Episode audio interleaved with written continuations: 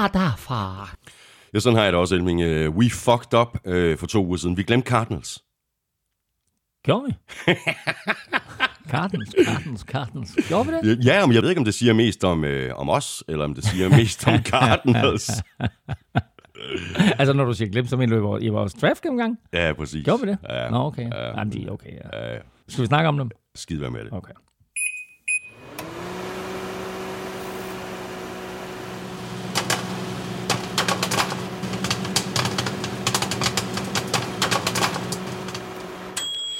Velkommen til, så er der fodbold og popcorn, og vi samler selvfølgelig op på øh, Cardinals Draft i den her udgave af NFL-showet, der er produceret af Kvartrup Media og optaget live on tape i samarbejde med Tafel.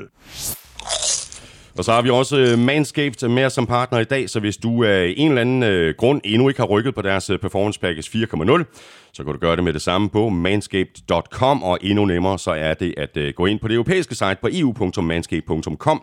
Hvis du bruger vores kode NFL-showet ved checkout, så får du 20% i rabat og gratis levering. Mere om øh, Manscaped senere i den her udsendelse, hvor du selvfølgelig også kan se frem til ugen spiller for Tafel og endnu en dækquiz fra Søren Armstrong. Og så står den ellers på en øh, gennemgang af kampprogrammet for den kommende NFL-sæson.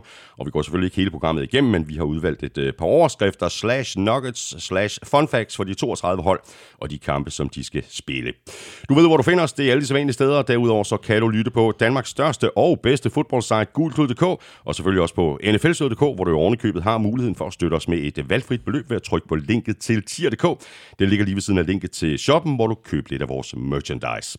Tak til alle, der støtter. Tak til alle, der har shoppet. Tak for alle anmeldelserne i øh, Apple Podcast og Spotify. Og tak fordi du downloader og lytter og bruger lidt af din tid sammen med os. Jeg hedder Thomas Kvartrup, og her kommer min medvært.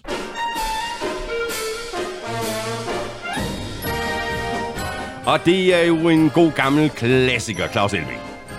Jeg havde jo egentlig regnet med, at du sådan som lille plaster på såret ville spille Arizona Cardinals. Se, det overvejede jeg, men så tænkte jeg alligevel, ah, ved du hvad, Jørgen Bak, den får du ikke. Jørgen Bak befinder sig i Kuala Lumpur. Han var ikke tilfreds med, at vi øh, ikke havde Cardinals med i vores draft gennemgang. det skal jeg da godt nok andre, lov der var for. andre Cardinals-fans også, som skrev til mig. What?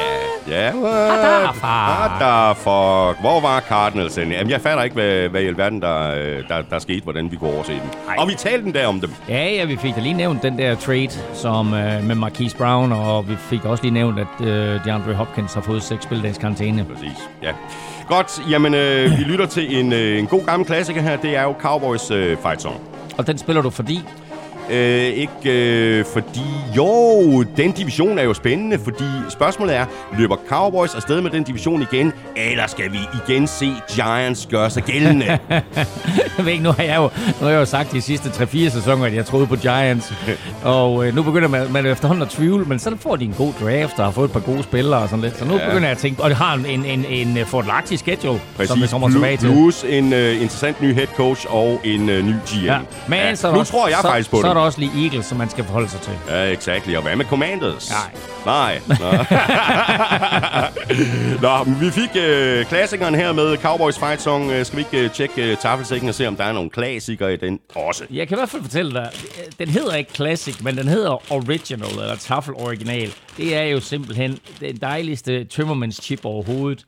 Kun chip og salt, helt perfekt. Jeg skulle lige til at sige, at der var to af dem. De lignede meget hinanden, men det her det er så en... Man kan sige, det, det er en original med lidt... Øh, med lidt krydderier på. Det er nemlig en cream cheese and onion. Den er faktisk De er også, stinkegode. Ja, de er rigtig gode, faktisk. Og så har vi lige den sidste her. Oh, en, en uh, legendary dealer, uh, dealer chips. Sådan der. Var det alt? Dealer, dealer chips, du har allerede taget hul på Manscaped. Jeg skulle lige til at sige, det bliver mandskab med i dag, ikke? Der er dealer chips.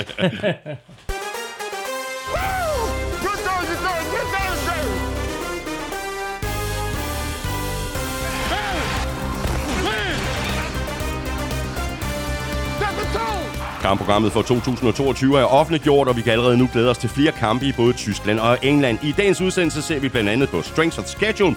Sidste år havde alle hold i AFC en ekstra hjemmekamp. I år er det NFC-holdene.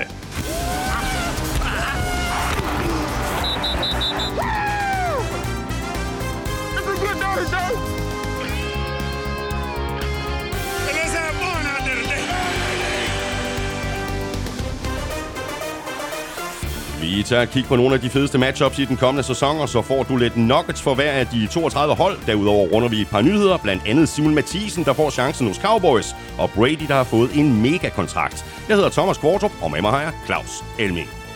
Give me one now, folks. Give me one, give me one. Woo! Nå Elming, øh, vi har jo det her lille hængeparti, øh, som vi ligesom skal have samlet op på, og vi kan lige så godt øh, gøre det med det samme. Øh, af en eller anden øh, mærkelig grund, der missede vi jo altså Cardinals, da vi gik øh, draften igennem for to uger siden. Så det gør vi nu. Cardinals havde jo oprindeligt et første rundevalg. Det traded de til Ravens for wide receiver Hollywood Brown, som Kyler Murray jo spillede sammen med i college. Og der var også lidt huller, der skulle fyldes ud, dels med afgangen af Christian Kirk og...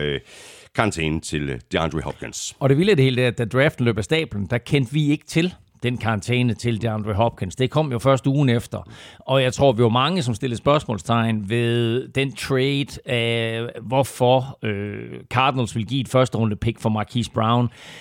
Det er helt tydeligt, at de gør alt for at gøre Kyler Murray glad. Mm.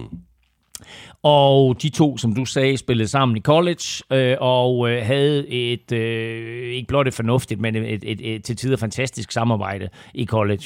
Øh, Marquise Brown var Kyler Murrays dybe, dybe trussel. Og det bliver han også i det angreb her, og det er klart, at med DeAndre Hopkins ude i seks uger, så starter han selvfølgelig fra dag et, og bliver formodentlig også go-to-guy fra dag et. Han er en helt anden receiver, end alle de andre, de har på holdkortet, altså også inklusive, når DeAndre Hopkins kommer tilbage. De har AJ Green, de har Rondell Moore, øh, så har de en tight end, Zach Ertz, de drafter Trey McBride. Øh, så det her, det kunne godt vise sig at være en bedre handel, end vi først lige vurderede. Ja. Øh, og så er det klart også, at ser man det fra Ravens perspektiv, så er det jo et hold, der godt kan lide at løbe bolden. Og der er det måske ikke så hensigtsmæssigt at have en receiver, der vejer 78 kilo på en god dag, øh, når man skal have hjælp til at blokere. Så jeg tror, de, de er lige en anden retning. Hvis ja, du ser på ja. de receiver Ravens, de har nu, så er det alle sammen nogle store klyner. Øh, der passer øh, Marquise Brown, Hollywood Brown bare bedre ind hos Cardinals. Og Cardinals fik jo også et øh, tredje rundevalg i handlen med Ravens, og Cardinals kom fra draften med otte nye spillere, hvoraf øh, fem af dem blev valgt meget sent i 6. og 7. runde. Første draftvalg for Cardinals kom på øh, pick øh, 55 i anden runde, og her tog de, øh, ham nævnte du lige øh, før, Elming tight end Trey McBride fra Colorado State. Og meningen er vel så, at han skal ind og supplere Zach Ertz og øh, Max Williams. Ja, det, det er den ene del af den, man kan sige. Jeg, jeg, jeg, jeg kiggede lidt på, øh, hvem de kunne have draftet. Og jeg var sådan set, fordi til at starte med, der tænkte jeg, endnu et pick, eller øh, endnu en handling, som udelukkende er lavet for at tilfredsstille Kyler Murray. De gør alt for at gøre ham glad, og sørge for, at, at øh, han kommer glad ind i training camp, og at, sådan, at øh, de måske kan få forhandlingerne på plads inden den kommende sæson, om at han skal have en ny kontrakt. Så de giver ham Marquise Brown, og så, trader, eller så, så drafter de Trey McBride, som jo var den bedste på papir tight end øh, i den her draft. Der kan man så vælge, altså, og som sagt, så kigger jeg på, hvem de kunne have draftet, og det er helt klart, at Trey McBride var nok den spiller med den bedste værdi. 49ers draftede godt nok Drake London, ikke Drake London, hvad hedder han, Drake Jackson lige et par pladser senere edge, mm. og det kommer vi tilbage til, fordi Cardinals tog to edge-spillere senere. Uh, men generelt så synes jeg faktisk, at det her, det var en, en rigtig fin placering for Trey McBride.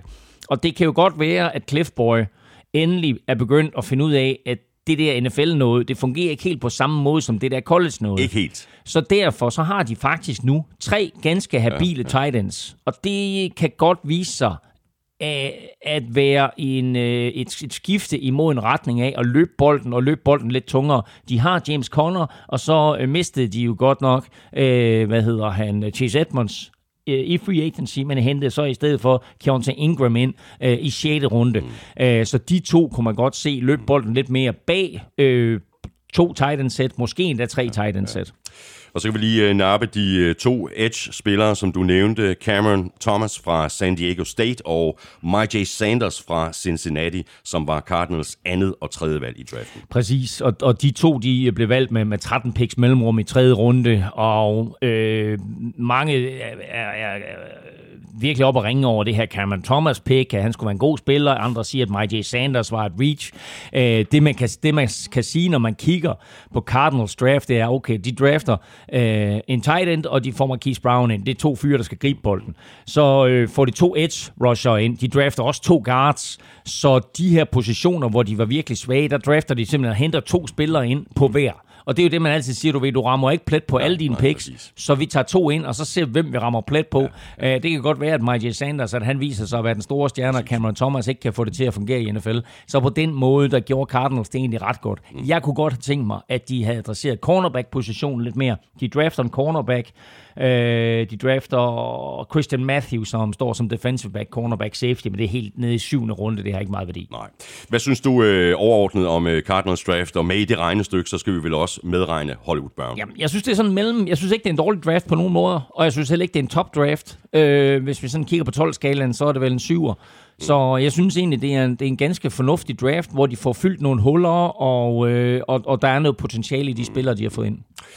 Og lad os bare øh, runde lidt andre nyheder, inden vi fokuserer på øh, kampprogrammet. Spørgsmålet er, om øh, Brady han har kunne fokusere på de øh, kampe, han skal spille i år, eller om han måske sådan har øh, tænkt lidt mere på det der lille job, som øh, står klar og venter på ham, når han en, en dag beslutter sig for at stoppe med at spille fodbold. 375 Hold nu op. millioner dollars. Hold nu op. Garanteret. Det er den største NFL-kontrakt nogensinde, garanteret. Øh, folk ryster lidt på hovedet, da Deshaun Watson han skrev sin kontrakt med, med Browns og fik alle de der 240 millioner garanteret. Øh, Brady han får 10 års kontrakt her på 375 millioner dollars, og det er vel at mærke ikke med en NFL-klub, det er med en tv-station, Fox News, ikke Fox, Fox News, men Fox TV-stationen, som øh, vil gøre ham til ekspert, når han engang stopper karrieren. Om det så bliver næste år, eller hvornår det bliver, det må vi se. Øh, også interessant i forhold til de her rygter om, at han skulle til Miami og være medejer dernede og sådan noget, men man kan så på den anden side sige, nu har han jo lidt øh, kapital at rute med, så hvis han vil være medejer af et NFL-hold, så er det jo en meget god måde at, at, starte det på. Det er en øh, helt vild høj løn for en mand, der aldrig nogensinde har kommenteret en kamp. Du har set ham meget i tv. Han har øh, haft op til flere dokumentarer, hvor han jo er meget velformuleret og fortæller gode historier og så videre. Og kan han overføre det til kommentatorboksen, så er det klart, at så er vi der, at øh, det er unikt bare at have ham der. Lidt på samme måde, som det er unikt at have Michael Laudrup i et fodboldstudie. Jeg synes jo ikke nødvendigvis, at Michael Laudrup er den bedste ekspert, men bare det, at Mister sidder der, det giver noget.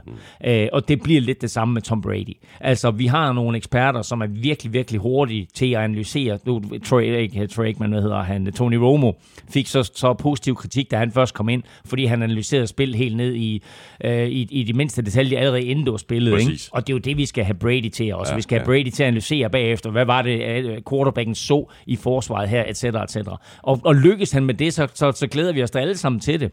Hvis man har set de her Manning-casts med brødrene Manning, så er det Som er helt forrygende. Jamen, de er skide sjove jo. Ikke? Altså, og problemet er lidt, at, at 10 af Bradys kampe der kommer til at ligge over for Manning Cast. Ikke? Så, så, altså, øh, og de er jo sjove, fordi der er noget gas, og der er noget lir, og så er der noget analyse også. Men det viser også bare, at øh, tv-stationerne de opruster imod hinanden i forhold til at have de her store, tunge navne siddende på øh, kampene. Og Fox øh, satser der garanteret på, at Tom Brady kan tiltrække nogle nye seere, som måske ellers ikke ser NFL, men så, nå okay, men jeg vil da godt, øh, ham der Tom Brady, han, øh, han er med til at kommentere Ja, kampen, så, så sikkert. vil jeg gerne se det. Og, og nu, nu tager vi talt en masse om free agency og trades og sådan noget. Ikke? Der har været en masse trades også, øh, hvad, hvad drejer sig om tv-kommentatorer. Mm. Øh, og der er også kommet en ny øh, college-kommentator ind, som bliver øh, hovedmand på Monday Night Football, mener jeg, det er, eller Sunday Night Football.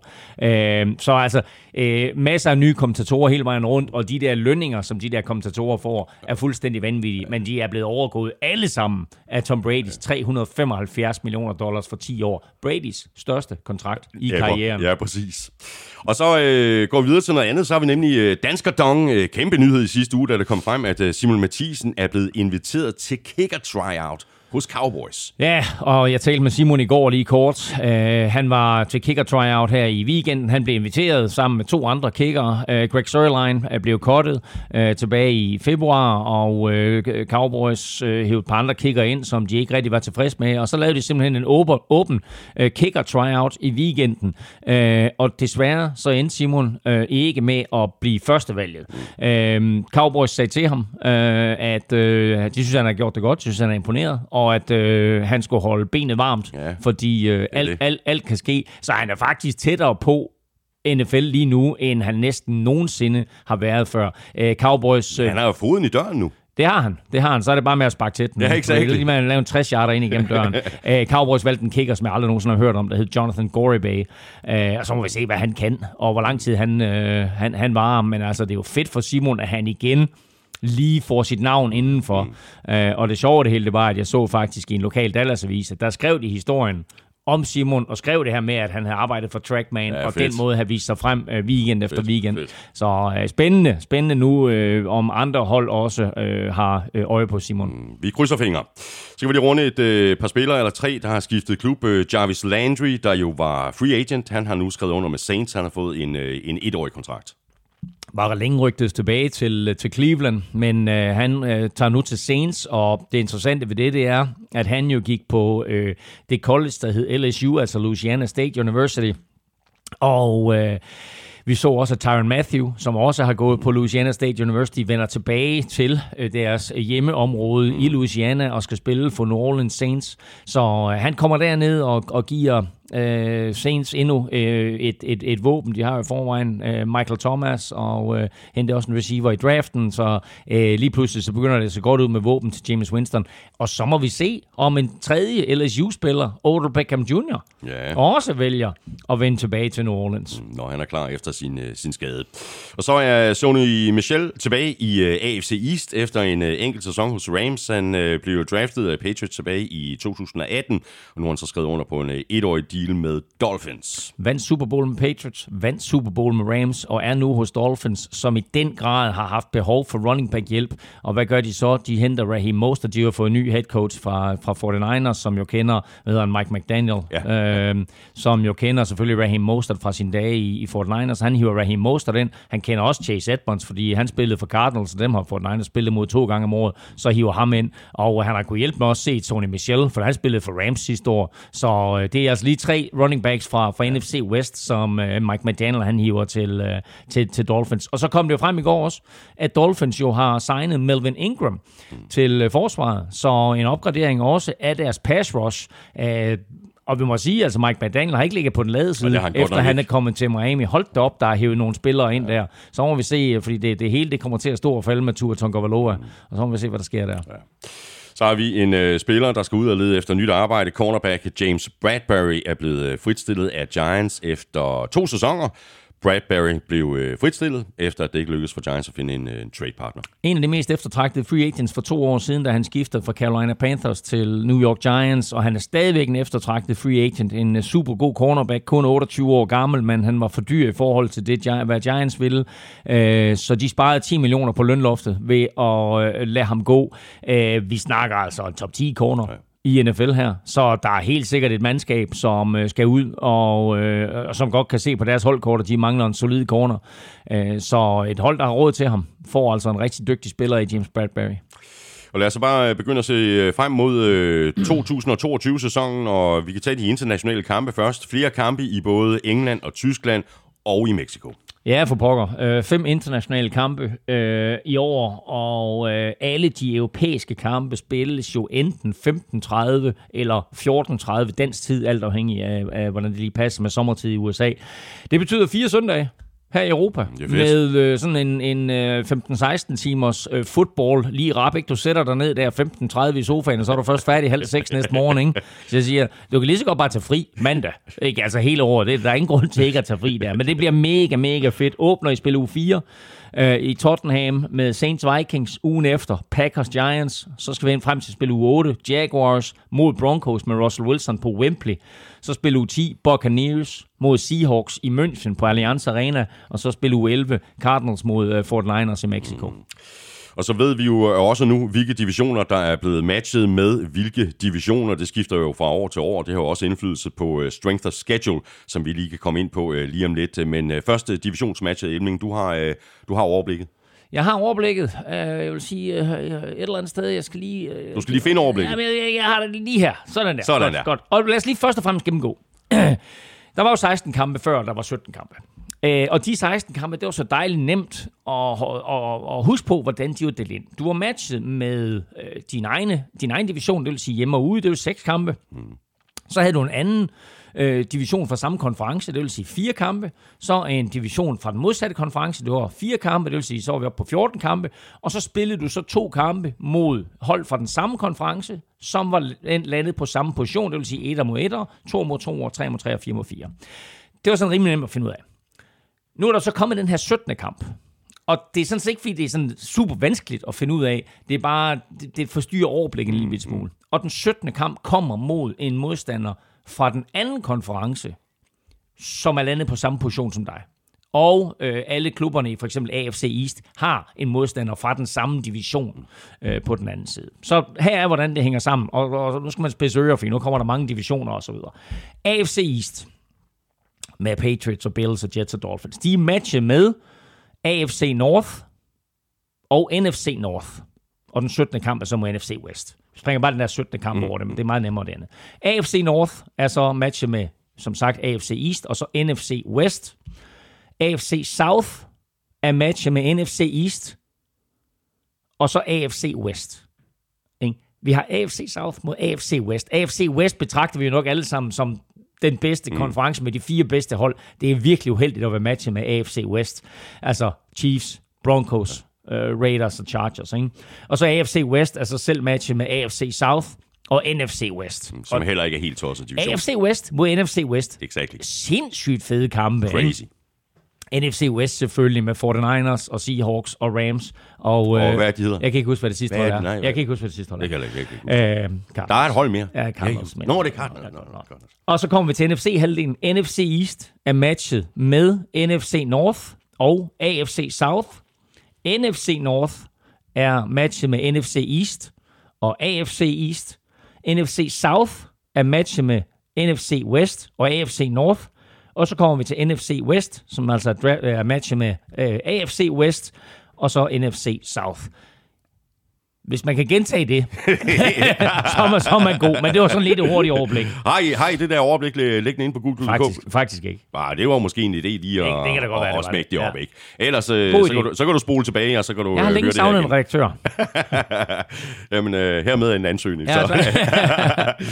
øh, I forhold til øh, strength of øh, schedule, Elming, øh, så er der jo rigtig mange måder at gøre det op på. Øh, nogle bruger holdenes win-loss record fra sidste år, og, og så bruger det som øh, målestok. Det er så nok ikke øh, den allerbedste metode, fordi der kan jo være sket rigtig meget øh, med de enkelte hold i mellemtiden. Altså spillere, der er væk, nye spillere, der er kommet til, ny head coach, øh, draften, free agency osv. Der er jo forskellige modeller øh, til at beregne det her strength of schedule, og et af de sites, som jeg også tror, vi nævnte øh, sidste år på det Mhm. her tidspunkt, det er Warren Sharps sharpfootballanalysis.com. Præcis.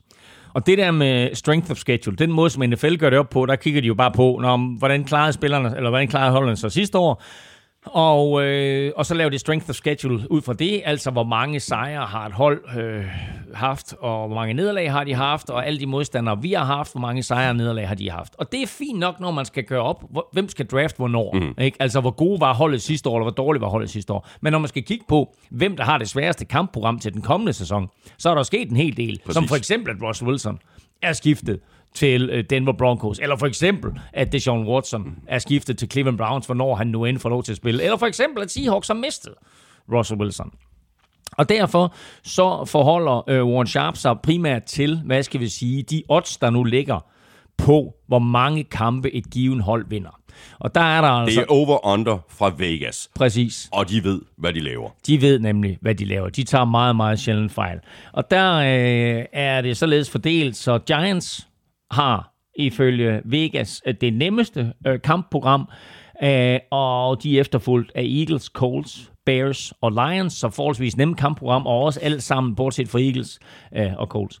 Øh, klubber, som, som sluttede øh, i den nedre halvdel af NFL sidste år.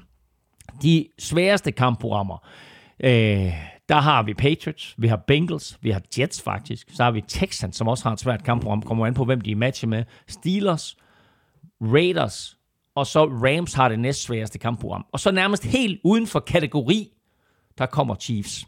Et, har de deres egen division. To er de etter fra sidste år. Det vil sige, at de også bliver matchet med en masse etter fra de andre divisioner. Så de er helt uden for kategori Chiefs.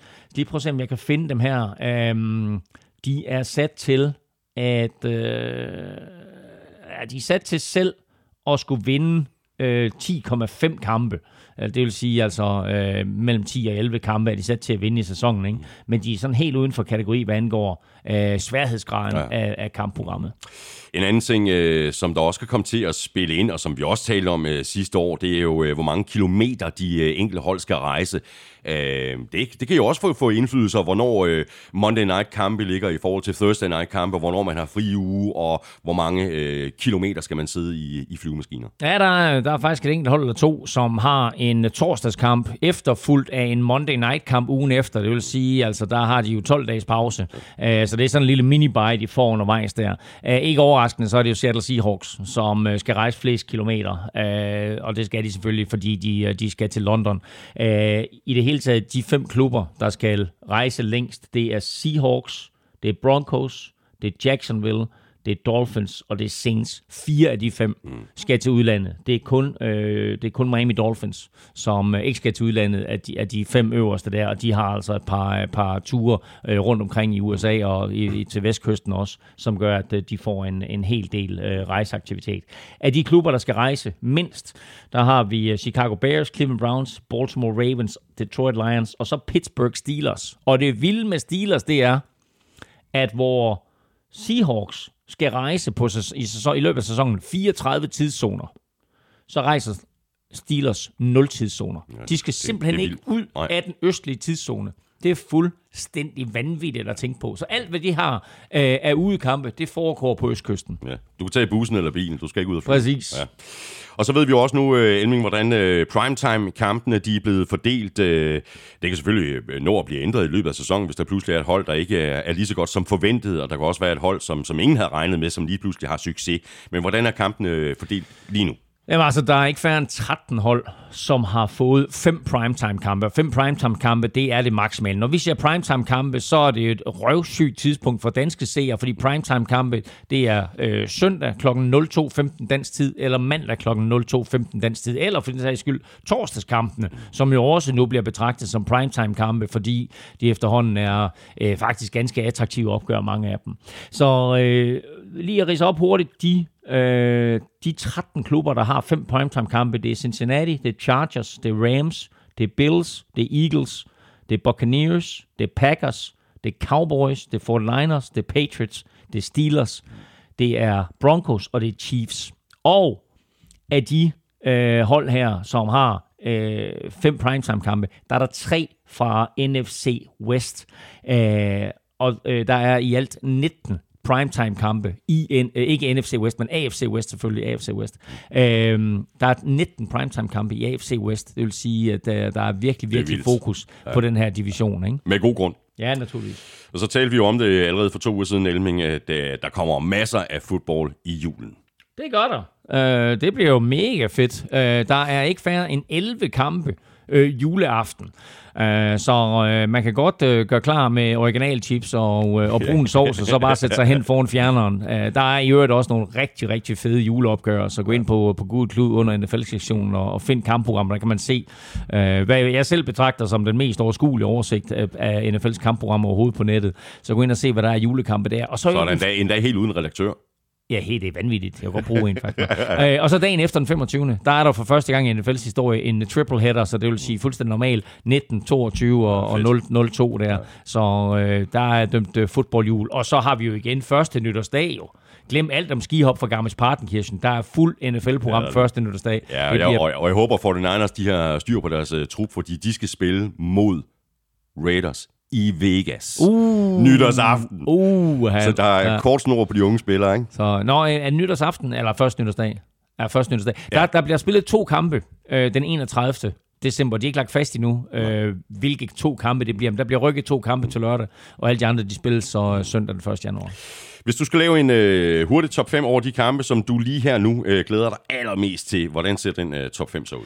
Ja, altså, øh, jeg synes, der er et hav af gode kampe. Vi har også inde på Gud Klub lavet op til flere artikler med forskellige måder at, øh, at kigge på, hvilke kampe, der er gode, og hvilke kampe, som man skal, man skal kigge efter. Vi har lavet en, der hedder Must See TV, som inkluderer et hav af primetime-kampe. Vi har også lavet en, der hedder De 10 bedste kampe kl. 19, som jo er mere relevant for, for det danske publikum. Så har vi også lavet en artikel, der hedder Her er de fem dyreste kampe, som er de fem kampe, hvor billetpriserne er dyrest. Så altså gå ind og og tjek de forskellige artikler ud. Øh, min top 5 lige nu, begynder med, og det er jo fordi, jeg bløder lilla, men Minnesota Vikings møder Green Bay Packers i, i øh, spil U1, og jeg har altid øh, store forhåbninger øh, til min øh, lilla helte, så øh, det er, en, det er en meget vigtig kamp og meget afgørende kamp som start på sæsonen, hvor vi ligesom får fornemmelsen af, om, om Packers de kan bide skære med, øh, eller om Vikings kan bide skære med Packers, øh, eller øh, Aaron Rodgers, han er fuldstændig ligeglad med, hvem han kaster til. I øvrigt så spiller Vikings den første kamp mod Packers, og de spiller også den første kamp i det nye år mod Packers. Så øh, to interessante matchups der. Så har jeg øh, ligeledes i spil U1 en af de absolut mest attraktive kampe overhovedet på programmet, nemlig åbningskampen. Den ja. allerførste kamp i NFL-sæsonen, Los Angeles Rams mod Buffalo Bills. Den har jeg også på min top 5. Og man kan jo sige det på den måde, at det kan jo være en forsmag på Super Bowl. Så det kunne jo være ret interessant, hvis NFL åbner sæsonen med den kamp, og måske slutter sæsonen i februar 2023 med den kamp. Spil u 13 skal vi frem til. Der ser jeg frem til en rematch af Cincinnati Bengals på hjemmebane imod Kansas City Chiefs øh, og se om Chiefs får revanche for deres nederlag i slutspillet. Det var jo en, den helt store eventyrhistorie sidste år med Cincinnati Bengals, som øh, først besejrer det ene store hold, og så det andet store hold, og så i AFC-finalen jo øh, besejrer Chiefs og spiller sig i Super Bowl. Men øh, nu får øh, Patrick Mahomes og company altså mulighed for, for revanche i deres spil U13. Allerede i spil U3 har vi et øh, kæmpestort opgør.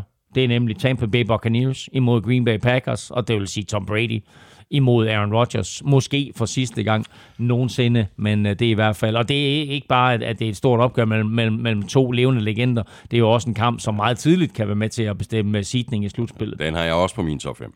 Og så nummer et kamp overhovedet, som jeg glæder mig til, det er en rematch af den, måske den bedste fodboldkamp, jeg nogensinde har set i mit liv, nemlig slutspilskampen sidste år mellem Kansas City Chiefs og Buffalo Bills. De mødes igen i spil u 6, og øh, så må vi se, om Bills de er bedre til at øh, håndtere tiden der inden for de sidste 13 sekunder, end de var sidst. I hvert fald så får vi igen lov til at se Patrick Mahomes og Josh Allen bare øh, kaste kuglen over hele banen i 60 minutter. Det bliver... Øh, det, det, altså, problemet med den kamp, det er, at den kan jo på ingen måde... Nej, Uanset hvor vild den bliver, så kan den ikke leve op til det hype, der blev skabt sidste år. Jeg har også lavet en, øh, en top 5 ganske hurtigt. Øh, åbningskampen mellem Rams og Bills, som du også havde, øh, giver sig selv øh, fantastisk øh, matchup øh, fra week 1. Og også i week 1, der har vi øh, Seahawks Broncos Return of Russell Wilson. Det er rigtig godt lagt, det, det schedule, Seattle, at, ja. at de sender Russell Wilson til Seattle i u 1. Øhm, så har jeg også øh, Buccaneers Packers i øh, uge 3, altså Brady mod Rodgers. Så har jeg i uge 7 en lille revanche-kamp øh, mellem øh, 49ers og øh, Chiefs fra øh, Super Bowl. Ja. Og så i øh, uge 17 kampen om LA Chargers Rams. Sådan. Glæder jeg mig også rigtig meget til. Vi skal have quizzen. Åh. Oh. Det er tid til quiz, quiz, quiz, quiz, quiz. nu skal vi nemlig have quizzer. Ja. Hvad har du fundet på? Jamen, jeg har en, øh, jeg har en quiz til dig, som er sindssygt nem. Hvis du kender svaret. Ja, det og godt kan være en lille bitte smule svær, hvis, du ikke, hvis du ikke kender svaret. Ja, det er stærkt. Ja. Øhm, det er i år 50 år siden, at Miami Dolphins gik ubesejret igennem grundspil, slutspil og Super Bowl som det eneste mandskab nogensinde. Øh, I Super Bowl 7 var de foran 14-0 mod Washington Redskins, og var på vej til en sikker sejr, og måske endda et æg, indtil Redskins scorede på en pick 6. Men hvem kastede den interception for Miami Dolphins, der blev returneret til touchdown? Ej, stop dig selv. Jamen altså prøv at høre, hvis du, hvis du er helt væk, du kan tænke tilbage på nogle legendariske spillere fra... Ja, det kan jeg. Ikke? Og så vil jeg også... I øh, Super Bowl 7? I Super Bowl 7. Øhm, og jeg vil, jeg vil også hjælpe dig så meget med, at her får du lige, her får du lige Miami Dolphins holdkort. Det er ja. der. Det der, det er Miami Dolphins holdkort ja. fra Super Bowl 7. Ja. Og så kan du kigge ned over den øh, ja. i løbet af udsendelsen her. Og, øh, er det et trickspørgsmål, det her? Det ved jeg ikke. Der er, der, er, der, jeg kan se, der er der et par quarterbacks øverst. Ja, det er også rigtigt. Ja. ja. Så, Nå, ikke? ved du hvad, du får, på, på, på trods af holdkortet, ikke, så får du lige den her, Elming. Can't do it. Sådan er så er det på plads. Godt, du skal ikke øh, snydes, øh, Elming. Du får øh, dækvisen her fra øh, Dick Pusher nummer uno, Søren Armstrong. Sig det nu, så I søde. Hvem skal mit hold nu møde? I Buffalo kan de bare kalde, vi kan nemlig tæve alle. Hvem må får den bedste sæson, og hvor går gassen af den berømte ballon? For nogle spillere er det vind eller forsvind. Hvilke tre løb sidste år flest ind? Hvilke tre running backs løb sidste år flest touchdowns ind? Synes, det er godt dækt, det der. Det er, det, det er godt lavet. Godt lavet Amstrup. Nå, hvilke tre running backs løb flest touchdowns ind sidste år? Ja. Og jeg har, jeg har, fem, øh, jeg har fem navne, men du, øh, du bliver bare bedt om at, om at nævne de tre. Men, øh, Okay. mm, Sjovt. Det, det, det, der, der, der skal jeg altså virkelig, virkelig grænske min hjerne øh, for at komme tilbage til sidste år. Wow. Okay. ja, det vil jeg også skulle. Okay. Men det er nemt, hvis du kender svaret. Ja, det er fuldstændig korrekt. Det er godt, Elming. Øh, der er lidt øh, tid for os at, at tænke os om i, øh, men nu hopper vi i øh, kampprogrammet, og vi tager øh, holdene division for division, og vi lægger ud med øh, NFC-halvdelen og NFC East, som Cowboys jo vandt sidste år med 12 og 5. Og øh, kampprogrammet det starter noget hårdere, end det slutter for Cowboys i uge 1 og 2, der spiller de mod Buccaneers og Bengals, og i uge 5 og 6, der møder de Rams og Eagles. Det er altså fire af de første seks kampe. Det er en noget hårdere start på øh, sæsonen, end øh, Cowboys havde sidste år. ja, men øh, de åbner med Buccaneers for, for andet år i træk, så der så øh, NFL altså et eller andet, at der var gode serietal i den. Øh, og i det hele taget så bliver Dallas Cowboys jo kaldt America's Team, og jeg ved ikke, hvad det er med, med, med Cowboys øh, kampe og kampe i NFC East øh, i det hele taget. De er bare populære øh, i amerikansk tv. Øh, det er ligesom når man ikke helt forstår, hvorfor TV2 vælger at vise en håndboldkamp for kvinder på en lørdag eftermiddag, men så, når man så ser, ser tallene bagefter, så tænker man, nå, det var, Det var derfor. derfor. Det var derfor. Nå, det var derfor. Øh, og det er det samme med Cowboys NFC East. Øh, Cowboys har ikke færre end 11 kampe på de bedste tidspunkter i år, inklusiv Thanksgiving mod Giants, som selvfølgelig er et rent NFC East-opgør. Og Cowboys, de har øh, bye week øh, midtvejs i sæsonen i øh, uge 9. Og så videre til Eagles, der sluttede sidste år med 9 og 8, og det bliver øh, super interessant at se dem i år nu, hvor de jo har tradet sig til AJ Brown. Spændende at se, hvordan han og Jalen Hurts finder hinanden på angrebet. Umiddelbart så har Eagles ikke den allersværeste start på sæsonen, i hvert fald ikke hvis øh, sidste års records øh, betyder noget. De spiller mod Lions, Vikings, Commanders og Jaguars i de fire første uger, og de fire hold vandt til sammen 21 kampe sidste år. Jeg er ked af, at jeg blander Vikings ind i det, Ja, det men, det, jeg. Det men, jeg. det, men det er Ja. rigtigt. Men det på papiret er det jo en, en vanvittig god start for, for Philadelphia Eagles, så kan de starte der 4-0 eller, eller 3-1, så er de i hvert fald godt i gang med sæsonen. Øhm, en anden lille fun fact her, det er, at under 2. verdenskrig, ved du hvad, øh, ved, ved du godt, at de to klubber der i Pennsylvania, Philadelphia Eagles og Pittsburgh Steelers, de blev slået sammen kortvarigt? Jeg tror faktisk, at vi har talt om det Ja. tidligere. Ved, ved du, hvad de hed? Nej, det kan jeg ikke huske. de blev kaldt Phil Pitt Steagles. Phil Pitt Steagles. Som det, han- det er stærkt navn. Anyway, um, i år der mødes de i Philadelphia, Eagles og Steelers, ikke Steagles. Uh, og det vilde det hele, det er, at uh, Steelers ikke har vundet i Philadelphia i Super Bowl-æraen. Vi skal helt tilbage til 1965 for at finde den Wow, sidste. Steelers-sejr i Philadelphia. De mødes i spil uge 8, og så må vi se, om uh, Steelers de kan få brudt den her uh, dårlige statistik. Ja, og Eagles har bye week i ugen før. De har nemlig bye week i uge 7. Bum. Commanders, øh, de sluttede træer i divisionen sidste år med 7 og 10. Head coach Ron Rivera har øh, nok en øh, fornemmelse af, at det, det gerne skal gå lidt bedre i år, hvis han gerne vil beholde sit job.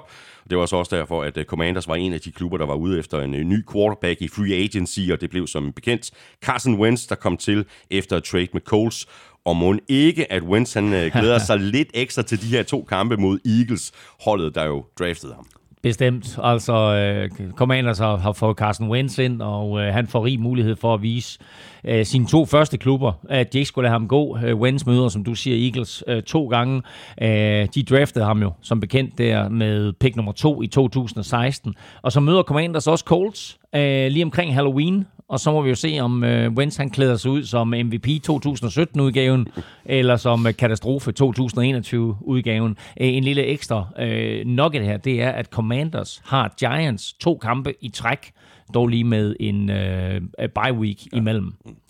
Og Commanders, de skal øh, vente længe på deres øh, bye week. Den har de nemlig først meget sent i øh, uge 14.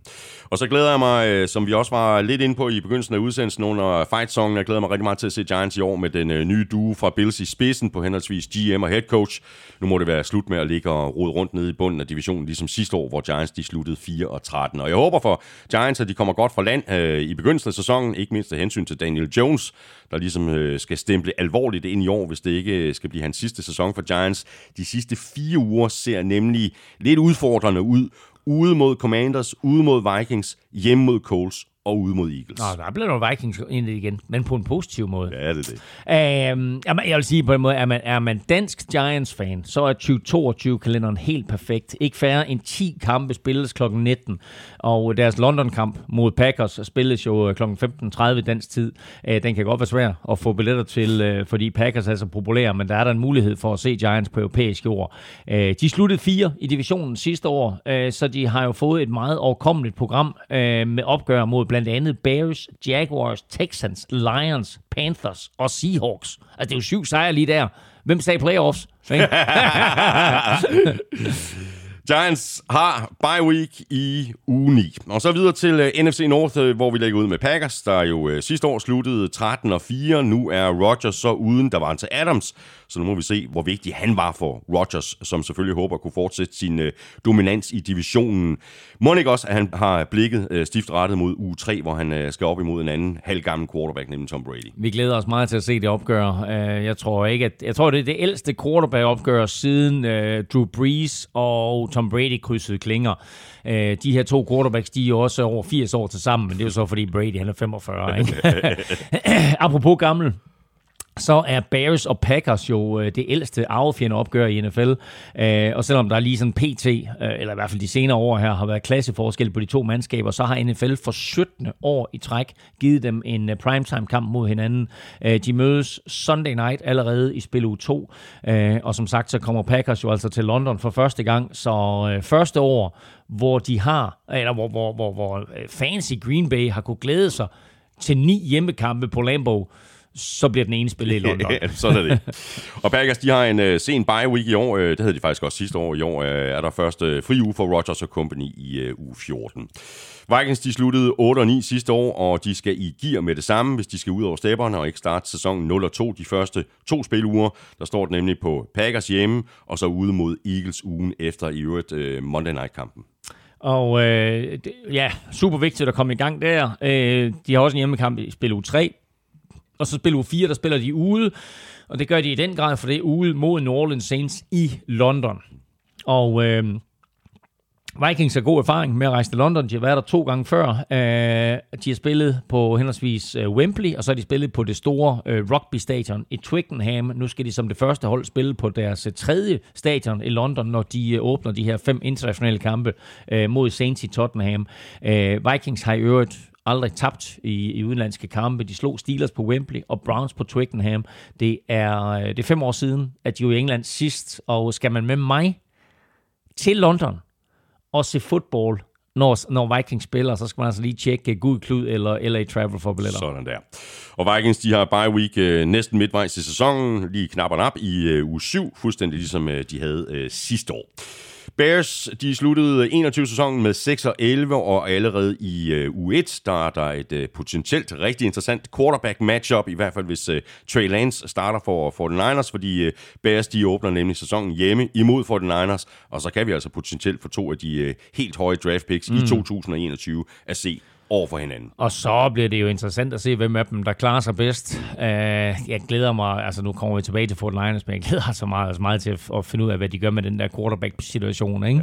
Ja, uh, Justin Fields fik en fin start sidste år, uh, og så ligesom om, han faldt med lidt i takt med, at, at, at Bears mandskab var virkelig elendigt, og som vi talte om i vores draft gennemgang, så har de ikke gjort ret meget Bears for at gøre tingene nemmere for ham. Så det bliver ikke en nem sæson for, Nej, for Justin ikke. Fields. Man kan sige det på den måde, at at øh, de har en, en, en overkommelig schedule, i og med at de endte som træer i, øh, i NFC North, men, øh, men det bliver ikke nemt for ham. Øh, til gengæld, så har Bears ikke en udekamp i december det er første gang siden 1964, og det hænger selvfølgelig sammen med, at de for det første har ni hjemmekampe som NFC-hold i år, øh, der lige skal sådan presses ind i programmet.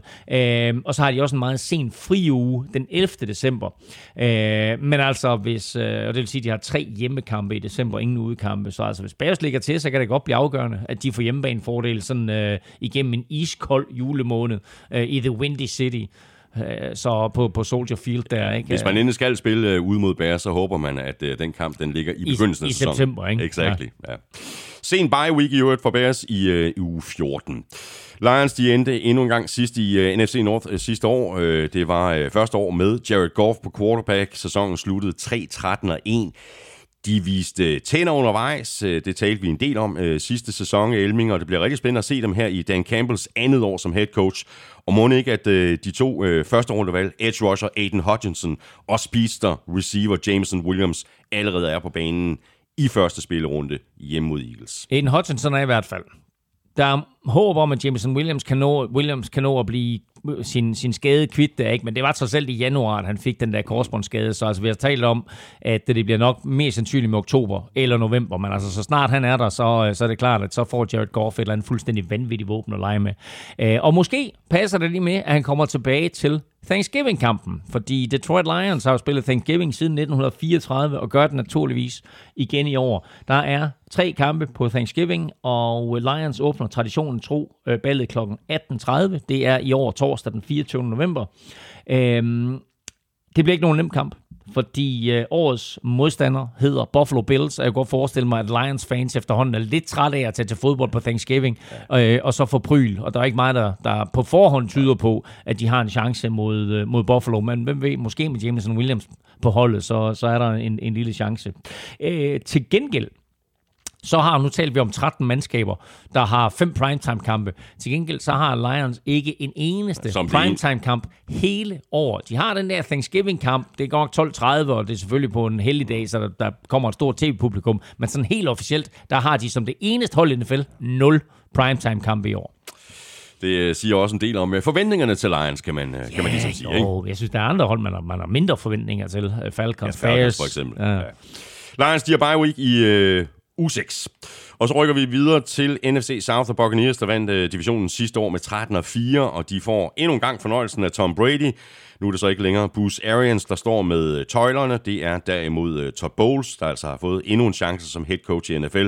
Spotlyset er tændt på både ham og Brady, og ligesom sidste år, så åbner de sæsonen mod Cowboys. Sidste år var det på hjemmebane, i år er det i Dallas. Ja, og jeg synes ikke, at man kan beskylde programplanlæggerne for at tage hensyn til uh, Tom Brady. Uh, Box åbner med to udkampe. Først Cowboys, som du siger, på udebane, og så skal de til New Orleans, hvor Brady jo ikke har vundet efter sit skifte til, uh, til Buccaneers.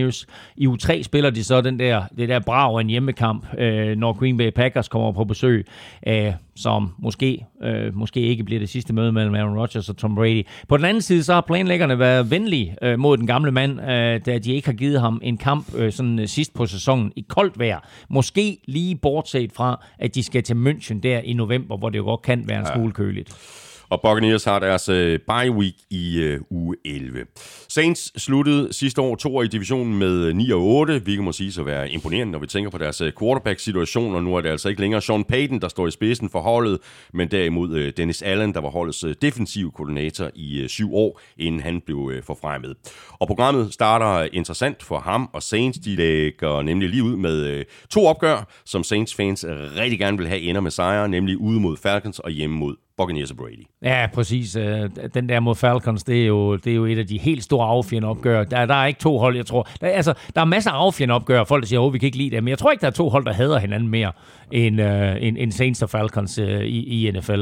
Uh, og Buccaneers selvfølgelig, ja, men det vil være fint at fortsætte den stime, ikke? Altså, de har vundet fire kampe i træk i grundspillet over Buccaneers, ikke? Og, og ydmyget og uddelt æg også uh, sidste år til, til Brady, ikke? Så, uh, så, så det vil de helt sikkert gerne fortsætte. Uh, hurtigt spørgsmål. Har 49 sådan en, en, uh, en, en, et slagråb, når man sidder på tilskuerpladserne? Har de sådan en, man råber Niners eller Niners eller et eller andet? Nej. Jo, Niners. Øh, Bare Niners? Ja. ja. Altså, fordi det er ligesom du ved, når man, er, når man er i Green Bay, så er det sådan go pack go, eller når man er i Oakland, øh, Oakland, det, der spiller de ikke længere, men når man er i Las Vegas, så hører man sådan bare sådan hele tiden sådan i det fjerne, Raiders, Raiders.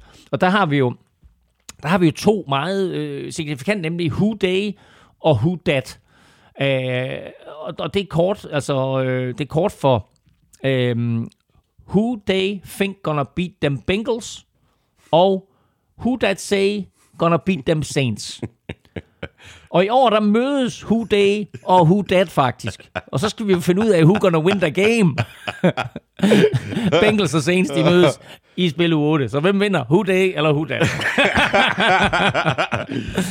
Godt, jamen øh, så går vi faktisk direkte videre til Falcons, der jo gik øh, 7 og 10 sidste år med Matt Ryan på quarterback. Så begyndte øh, Falcons at lege lidt med tanken om at trade sig til Deshaun Watson, og så blev øh, Ryan sur, og øh, det er så øh, derfor, at øh, den startende quarterback, i hvert fald umiddelbart, nu er Marcus Mariota, der jo er kommet til fra Raiders. Så nu har øh, Falcons, øh, ligesom Saints, en øh, sen bye week i uge 14, Spørgsmålet er så, om vi får Desmond Ritter at se i de sidste fire uger af sæsonen, altså efter Bayern. Ja, det er, det er meget interessant, det der. Øhm, vi har også øh, sådan kigget lidt på Falcons, og, og må, måske nok bedømt dem til at have et af de svageste hold på papiret i NFL. Øh, de har et par store profiler på angrebet, og et par store profiler på forsvaret, men sådan overordnet set, så er der for mange huller på holdkortet. De har godt nok lige hævet Brian Edwards ind som øh, receiver fra, øh, fra Raiders i en, en lille trade, så de har da trods alt opgraderet øh, angrebet, øh, også med, med, med Drake London og så videre, så der, der kommer der et par spillere ind, og så Kyle Pitts selvfølgelig, som de fik sidste år.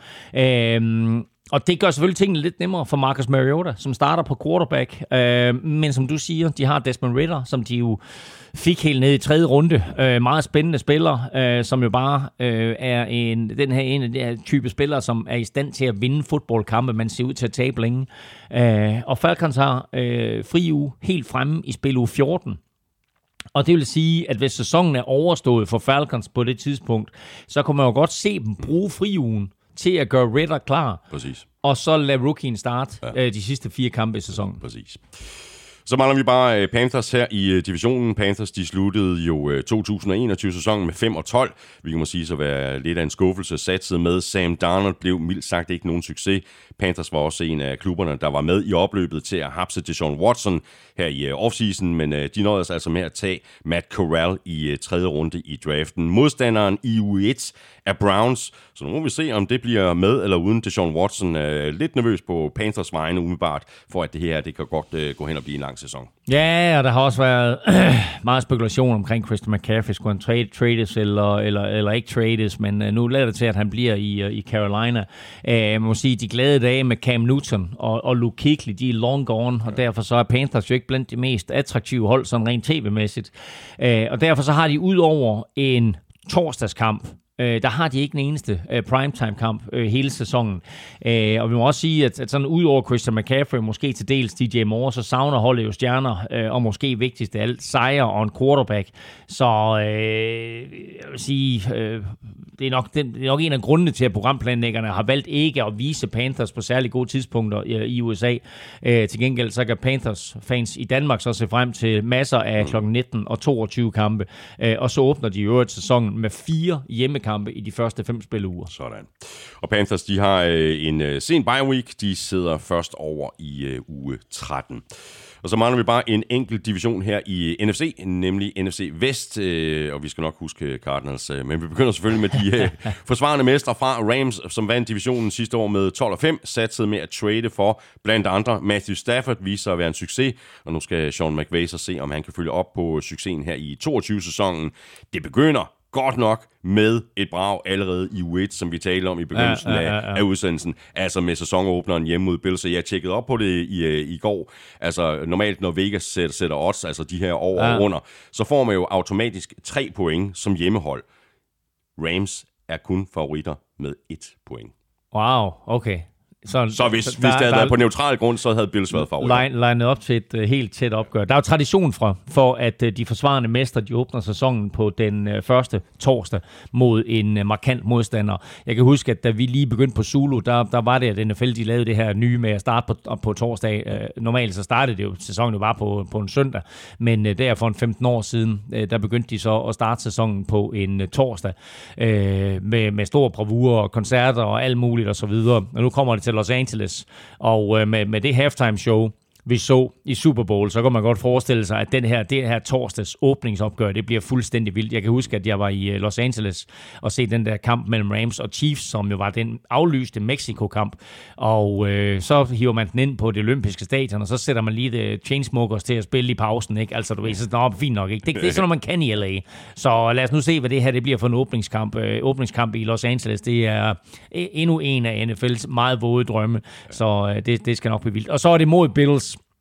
Og som jeg sagde i starten, det her, det kunne jo godt være en forsmag på, øh, på, på Super Bowl. Så øh, ganske interessant. Og så er det jo også Von Miller, hjemkomst til Los Angeles, som han vandt sin anden Super Bowl med. Nu har han jo skiftet til Buffalo, så han kommer tilbage til LA. Og Rams, øh, de har bye week øh, nogenlunde midtvejs i sæsonen i øh, uge 7. Og så har vi Cardinals, uh. øh, der jo længe så ud til at skulle løbe afsted med divisionen sidste år. Den sidste halvdel af sæsonen var så ikke lige så god som den første halvdel, og Cardinals sluttede 11 og 6, hvilket isoleret set øh, selvfølgelig er mere end godkendt. I år der spiller Cardinals så de øh, første 6 uger uden det Andre Hopkins, som sidder ude med den her karantæne, og det er jo ikke umiddelbart noget plus, hvis øh, ambitionen er at komme lige så godt fra land, som de gjorde i 2021. Nej, øh, og derfor så bliver det selvfølgelig også vigtigt for Marquise Brown og, og Kyler Murray at finde ind i et godt samarbejde med det samme, og så må vi se, hvad, hvad, hvad Cliffboy han finder på, øh, om, og hvilke type angreb han vil køre osv. Det bliver nok en kombination, som vi er lidt inde på. Uh, hans foretrukne fire receiver sæt, og så måske lidt tungere formationer med to eller tre, tre tight ends på banen. Um, når Vikings og Saints spiller i London, så bliver det kamp nummer 100 på international grund, altså udenlandsk jord. øhm, ved du, hvad den allerførste kamp var? Jeg kan ikke huske. Nej. I, øh... Men har det været noget Mexico eller hvad? Ja, det har det med så. Ja. Fordi der har været spillet kampe i Europa siden 2007. Men faktisk så stod den første internationale kamp jo mellem Arizona Cardinals og San Francisco 49ers i 2005 i Mexico City foran 103.000 tilskuere. Nu mødes de to mandskaber igen samme sted. De krydser nemlig klinger Monday Night øh, i spil U11 øh, på øh, hvad hedder det, Estadio Azteca ja. i Mexico City uh, i, uh, i spil U11. Og det, det er Cardinals, der har hjemmebane. Det er, altså Cardinals, der, det er nemlig Cardinals, der har hjemmebane. Det er den sidste af de der uh, fem udenlandske kampe. Uh, og det er jo så samtidig to af de absolut mest populære hold i Mexico, uh, så der er ingen tvivl om, der bliver en, en, en vild stemning på det der store stadion. Uh, men man kunne godt forestille sig, at det bliver lidt svært at høre, at det rent faktisk er Cardinals, der er på hjemmebane. Ja. Jeg tror, der er masser af Fort Niners fans, og nogenlunde lige fordeling af tilskuerne ja. det hele taget. Cardinals, de har øh, deres bye week øh, sådan lidt øh, halvsent i uge 13. Og så har vi 49ers, der jo glemte sig med i slutspillet sidste år med en 10-7 record. Endestationen blev så NFC-finalen mod Rams. Øh, det helt store spørgsmål forud for 22-sæsonen handler selvfølgelig om Trey Lance. Om det om sider bliver hans øh, tur, efter at han jo sad på bænken hele sin øh, rookie-sæson bag uh, Garoppolo, efter at uh, 49ers havde brugt tre første rundevalg på at gå op og hente ham på pick nummer 3. Præcis. For Niners, de tradede voldsomt op for at få det, de betragtede som fremtidens quarterback. Nu har de så i år i draften jo hentet en quarterback ind øh, med Mr. Irrelevant pick nummer 262. Æh, øh, og hvem af dem, der end kommer til at starte, eller om det, med, det, bliver, det bliver Jimmy, øh, så kan de jo se over på den anden side på et tidspunkt her i løbet af sæsonen og se en gammel mand, der blev draftet i 6. runde og stadigvæk spiller fodbold. Fordi øh, Tom Brady voksede jo op som kæmpe 49ers-fan og var tit til kampe på øh, det hedengangne Candlestick Park med, med Joe Montana og Steve Young. Faktisk så har Brady i sin 23 år i NFL øh, kun mødt Fort Liners tre gange, og ikke siden 2016. Øh, og det er jo med stor sandsynlighed hans, hans øh, sidste kamp mod sin barndoms øh, yndlingshold. De mødes i spil u 14 i San Francisco. Og hvis rygterne ellers talte sandt, så vil Brady jo gerne have sluttet øh, karrieren som quarterback for, for 49ers. Nu får han så i stedet chancen for at, at, at slå dem, og så måske lige sende en sidste besked til holdet om, I skulle have taget mig. at det var virkelig dumt, at de i år 2000 draftede en quarterback i tredje runde, der hed Giovanni Camazzi. Det var også dumt. for Niners har deres uh, bye week uh, midtvejs i sæson i uh, uge 9, og så mangler vi bare uh, Seahawks, uh, der havde en en øh, temmelig skuffende sæson i 21, hvor de sluttede 7 og 10. De fik lige pyntet lidt på, på det øh, den, den sidste måneds tid, hvor øh, Pete Carroll sagde, at de var i win-now-mode. Det ved jeg så ikke, om Seahawks også er i 2022. Det er i, i hvert fald et nyt hold uden Russell Wilson. Men øh, de forstår jo at planlægge tingene optimalt i NFL, fordi hvem kommer på besøg i Seattle allerede i U1? Det gør Russell Wilson og Broncos, øh, og det er selvfølgelig Monday Night-kampen oven i. Naturligvis. Afslutningen på spilleugen, og der er der ingen tvivl om, at han får øh, stor innovation, når han kommer ind. Der er der masser af fans, som selvfølgelig er sure over, at han har forladt klubben, men også er ked af det. Så det er der, der ingen tvivl om. Øhm, vi var lidt inde på det i starten, at øh, på grund af den der geografiske placering øh, af Seahawks op i det nordvestlige hjørne i USA, så er det ofte et af de hold, der rejser længst hvert år. Øh, og i år, der bliver det endnu værre, øh, fordi de skal nemlig helt til München for at møde Buccaneers. Det er en rejse på 10 timer, 8.500 km og 9 tidszoner. Øh, og normalt så ville NFL jo nok have planlagt det sådan, så de ugen inden havde givet Seahawks en kamp på Østkysten, så, så rejsen ikke ville være helt så lang. Men øh, nej, nej, øh, der skal de til Arizona, så ikke meget hjælp at hente der. I alt så skal Seahawks rejse 47.388 km i år, eller hvad der svarer til mere end en gang rundt om jorden. Sådan der. Det er vanvittigt, ikke? Nå. Som lille plaster på såret, så har de så til gengæld fem af deres sidste syv kampe på hjemmebane. Og må ikke, at øh, med al den rejseaktivitet, de glæder sig til deres bye week. Den har de nemlig i øh, uge 11. Dermed er vi igennem øh, NFC. Lige om lidt, der tager vi de øh, fire divisioner og 16 hold Og i 11 øh, der, det er jo selvfølgelig AFC. ugen efter München-kampen. Whoa! Ugen spiller præsenteres af Tafel. Så øh, lige om lidt, der tager vi altså de øh, 16 hold i øh, AFC. Lige her nu, der skal være trukket lod om en øh, kæmpe kasse med tafelchips. Alle, der har svaret på det øh, spørgsmål, som vi postede på Twitter, Facebook og Instagram i går, har chancen. Vi spurgte, hvem tror du vinder AFC North? Og det gjorde vi faktisk også sidste år på det her tidspunkt. Og vi kan lige prøve at øh, sammenligne tallene, fordi det er faktisk øh, meget sjovt. Sidste år var der kun 4%, der troede på Bengals. 9% stemte på Steelers, Ravens fik 31%, og mere end halvdelen, 52%, gik Ja. med Browns. Ja. Øh, og lad mig bare sige det sådan, der er sket en del på det år. Der er gået nedefra. I år får Browns 7% af stemmerne. Steelers får 9%, altså det samme som øh, sidste år. Bengals får 30%, øh, væsentligt bedre end de 4% øh, sidste år. Og så har vi altså storfavoritten i år, det er Ravens, mm. med hele 54% af stemmerne, på trods af, at Ravens jo rent faktisk endte nederst i divisionen. Ja. De var meget skadet, så ja, Præcis. øh, altså, det er der også mange, der har skrevet, ja, ja, tror på præcis. Ravens, Ja. hvis de undgår skader. Ja, og hvis de finder nogen at kaste bolden til. for- Fordi for jeg synes, godt nok, jeg synes godt det står svagt til på receiver-positionen. Men det er så, hvad det er. Øh, øh, afstemning på Facebook, fuldstændig samme resultat. Godt nok så er Ravens ikke over øh, 50%, men de er under 50%. Mm. Så der er lidt, lidt øh, mere dødt løb mellem dem og Bengals. Men, øh, men sjovt at se, at det er Ravens og Bengals, mm. som nu er de to dominerende. Ikke? Det, er, det er nye tider, er det. efter at øh, Big Ben også er stoppet ja. hos Pittsburgh. Ikke? Ja. Godt, jamen lad os bare få trukket en uh, heldig vinder, og det er dig, der står for, for den del. Elming, fordi det er jo dig, der er. Lykkens skud inde. Og jeg trækker en her. Og det blev ikke overraskende Baltimore Ravens. Vi skal et øh, smut til, jeg ved ikke om det udtales øh, Stensved, eller det udtales Stensved.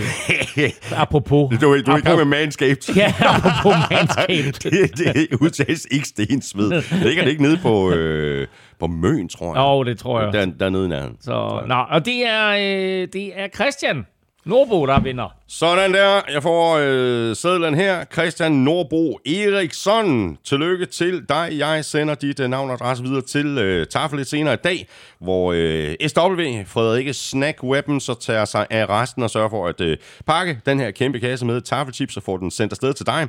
Og vi gør det her igen om et øh, par ugers tid, når vi er tilbage. Følg os på øh, Facebook, Twitter og Instagram. Det er nemlig der, vi sætter konkurrencen i gang, og det gør vi øh, mandag formiddag. Og når vi har gjort det, så kan du altså stemme på din favorit på mailsnablag.nflshow.dk. Du skriver dit bud i emnelinjen, og i selve mailen skriver du dit navn og adresse. Bum.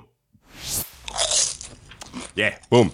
Nu gælder det nemlig øh, AFC-halvdelen, og øh, vi lægger ud med AFC East og Bills, der jo vandt divisionen sidste år med 11 og 6. Ikke helt lige så overlegnet som i 2020, hvor de sluttede 13 og 3. Jeg har store forventninger til Bills igen i år, men de, de skal være klar fra start, øh, fordi de øh, første fire uger af kampprogrammet lyder sådan her. Ude mod Rams, hjemme mod Titans, ude mod Dolphins og ude mod Ravens. Mm. Så er Josh Allen og company øh, ligesom også i gang. Ikke? Wow, barsk start, må ja. man bare sige. Men altså, det er en af de helt store favoritter øh, i år, Buffalo Bills selvfølgelig, og de var så frygtelig, frygtelig tæt på øh, sidste år. Øh, og Josh Allen var frygtelig, frygtelig tæt på øh, både selvfølgelig at og, og endelig bringe Super Bowl til Buffalo, men måske også at blive kåret til, til MVP. Og vil han vide, hvordan det er at blive kåret til MVP i NFL, så får han rig mulighed for det i år, fordi øh, han kan bare gå over og spørge modstandernes quarterback, for Bills øh, skal møde de sidste fire års MVP's, nemlig Lamar Jackson fra 2018, Patrick Mahomes fra 2019, og så Aaron Rodgers, der vandt både i 2020 og 2021. Og sådan er det, når man er blevet nummer et i divisionen sidste år, så får man altså bare et hav af svære modstandere. Ja. Og Bills, de har en uh, relativt tidlig bye week i uh, uge 7. Patriots de sluttede to i divisionen sidste år med rookie quarterback Mac Jones 10 og 7 og kun en uh, enkelt kamp dårligere end Bills. Og nu var vi jo ikke sådan uh, synderligt imponeret over Patriots draft, uh, Elming, men uh, Belichick har jo før vist, at han ved, hvordan mm. han kan få det optimale ud af sine spillere. Uh, spændende bliver det allerede i U1, hvor Patriots de spiller ude mod uh, divisionsrivalerne fra Dolphins nede i varmen, nede i Miami. Og det bliver uden cornerback JC Jackson, så det bliver interessant at se det her Patriots forsvar op imod blandt andre Tyreek Hill og Jalen Waddle. Meget spændende. Meget spændende at se, hvad Patriots det hele taget kan i år. Øh, jeg vil ikke, øh, jeg vil ikke anklage øh, uh, schedule committeen der for at uh, copy-paste, men Patriots program minder meget om noget, vi har set før. I 2014, der åbnede Patriots nemlig sæsonen på udebane i Miami, og så fulgte der ellers fire udekampe i de første seks uger. Så havde de fri i spil u 10, og sluttede sæsonen af med en kamp mod Bills. Alt det gør sig gældende i 2022 også. Wow. Og som en lille krølle på det hele, så vandt Patriots Super Bowl det år. Hmm. Just, just saying. Just saying. du hørte det her først. Patriots, øh, de har deres bye week i øh, uge 10. Og så har vi Dolphins, der jo sluttede 3 i divisionen sidste år med 9 og 8. Og nu går øh, Tua altså ind i sit øh, tredje år i ligaen. Øh, systemet under den nye head coach Mike McDaniel er nyt og der er samtidig blevet tilført alvorlig firepower på angrebet med Tyreek Hill. Og hvis uh, Tua spiller op til det, som Dolphins de forventede, da de draftede ham så højt i 2020, så kan det blive rigtig øh, underholdende at se på det her Dolphins angreb i år, og må ikke allerede, at Tua og at Dolphins og deres fans har sat et stort, fedt kryds ud for uge 14, hvor de spiller ud mod Chargers og Justin Herbert, som jo blev draftet mm. positionen umiddelbart efter Tua. Jo, og der var jo, der var jo, vi, vi spekulerede jo meget i den gang, eller jeg tror, vi var overbevist om inden draften i hvert fald, at der var no way, at, uh, at Dolphins, de var efter Justin Herbert, at det var røgslør og så videre, og Tua var en meget bedre quarterback, men altså Justin Herbert har jo taget ligaen med storm, ja. og nu får de altså muligheden for at, at sammenligne de to uh, direkte, altså umiddelbart, så må vi bare sige, at Justin Herbert er en bedre quarterback og, og meget mere NFL-materiale, mm. end Tua uh, har været indtil videre, men altså nu har de omgivet Tua med et hav af våben. Det, det så du jo på lang afstand. Det, det så jeg på lang afstand. De har omgivet ham med, med et hav af våben. De har givet ham en ny offensiv linje. De har givet ham løbeangreb, så der er ingen undskyldninger. Uh, Dolphins Somi-team bliver ved med at lægge videoer op af, af Tua Tonga der kaster bolde. Ikke, du så den, hvor han kaster en dyb bold til Tyreek Hill. Nej, så jeg faktisk. Uh, perfekt bold, man følger luften, der lander lige hænderne på Tyreek Hill. Men når man nærstuderer den video, så kan man næsten se, at Tyreek Hill han står stille. Og så tænker man bare, okay, altså der er forskel på, Tyreek, på, på Tua Tonga arm, og så Patrick Patrick Mahomes' arm, ikke? Fordi uh, Tyreek Hill, han kan altså simpelthen løbe fra den længde, som uh, Tua han har på sin arm, og det kan godt blive en udfordring. Nu skal jeg ikke konkludere noget ud fra en enkelt Somi-video, men, uh, men det var bare lige en interessant betragtning. Det er som sagt, og det fortalte jeg også i quizzen, 50 år siden, og har dermed 50 års jubilæet for NFL's eneste perfekte sæson, 1972, der gik Dolphins ubesejret gennem sæsonen, og det markeres i Miami hele året, men især i spil uge 7, hvor Steelers kommer på besøg. Det var nemlig de to hold, der mødtes i AFC-finalen i 1972 samme sted. Øh, Dolphins slog Washington Redskins i Super Bowl, men de har hverken Redskins eller Commanders på programmet i år, så de må altså nøjes med at lave den her superfejring, øh, når Steelers kommer på besøg. Og Dolphins, øh, de har øh, deres bye week i øh, uge 11. Og så mangler vi bare Jets her i divisionen. Jets, de sluttede 4 og 13 i Robert Salas første år som head coach, og jeg er ret sikker på, at ambitionerne er noget højere her i 2022-sæsonen. Jets, de havde en rigtig god draft, og Zach Wilson er ikke længere rookie, men han bliver så også nødt til at steppe op lige fra begyndelsen, fordi tjek lige den her start på sæsonen. Hjem mod Ravens, ude mod Browns, hjem mod Bengals, ude mod Steelers, hjem mod Dolphins, ude mod Packers. Halløj, så er vi i gang. Ja, og du ramser det op, fordi man skulle næsten tro... Altså, New York Jets spiller jo i AFC East, men man skulle næsten tro, de spillede i AFC North, for de åbner sæsonen mod alle fire mandskaber fra AFC North. Øh, de åbner mod Baltimore Ravens i øvrigt på hjemmebane i New York på 9-11, og så følger kampe så mod, mod Browns, Bengals og Steelers, som du skitserede der. Øh, det interessante er jo, at vi på nuværende tidspunkt ikke ved, hvem der er quarterbacks for hverken Browns eller Steelers, når de skal møde Jets. Ja. Og Jets, de har deres uh, bye week i uh, uge 10. Så hopper vi videre til AFC North, og hvis øh, den division var et øh, bankospil, så blev posen i den grad rystet sidste år. Ryst posen! Det viste jo vores øh, afstemning. Har du aldrig været til bank? Jo, jeg skulle lige sige. Helt tydeligt, du voksede op i Viborg. Exakt. Jeg faktisk vokset op uden for, for Viborg i en lille landsby. Der gik jeg rigtig meget til banko. Der kan jeg lide rystposen. Nå, øh, men øh, at øh, posen er blevet rystet, det viste vores øh, afstemning i ugen spiller jo også øh, ret øh, tydeligt. Øh, divisionen sluttede super tæt sidste år. Bengals endte øverst med en 10-7 records. Og det er jo øh, meget tydeligt, når man ser på antallet af primetime-kampe, som vi også taler om indledningsvis, Elming, at øh, tv-selskabernes interesse for Bengals også er steget fem primetime-kampe i år imod en primetime ja, kamp ja, ja, øh, sidste år. Jamen, altså prøv at høre, i, i, i 20 år plus, der har Cincinnati Bengals været NFL's øh, svar på kødpølse. Øh, det er der, men det er lidt ligegyldigt, ikke?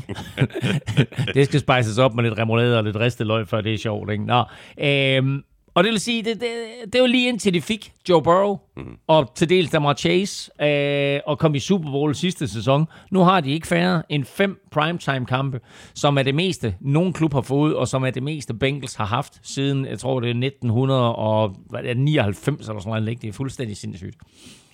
Bengals, øh, de har deres øh, bye week i øh, uge 10, og Steelers, de sluttede to i divisionen sidste år med 9, 7 og 1, og nu er Big Ben altså ikke længere på holdet, så øh, nu er det lidt øh, forfra med Kenny Pickett, som øh, Steelers altså hapsede på øh, pick 20 i draften.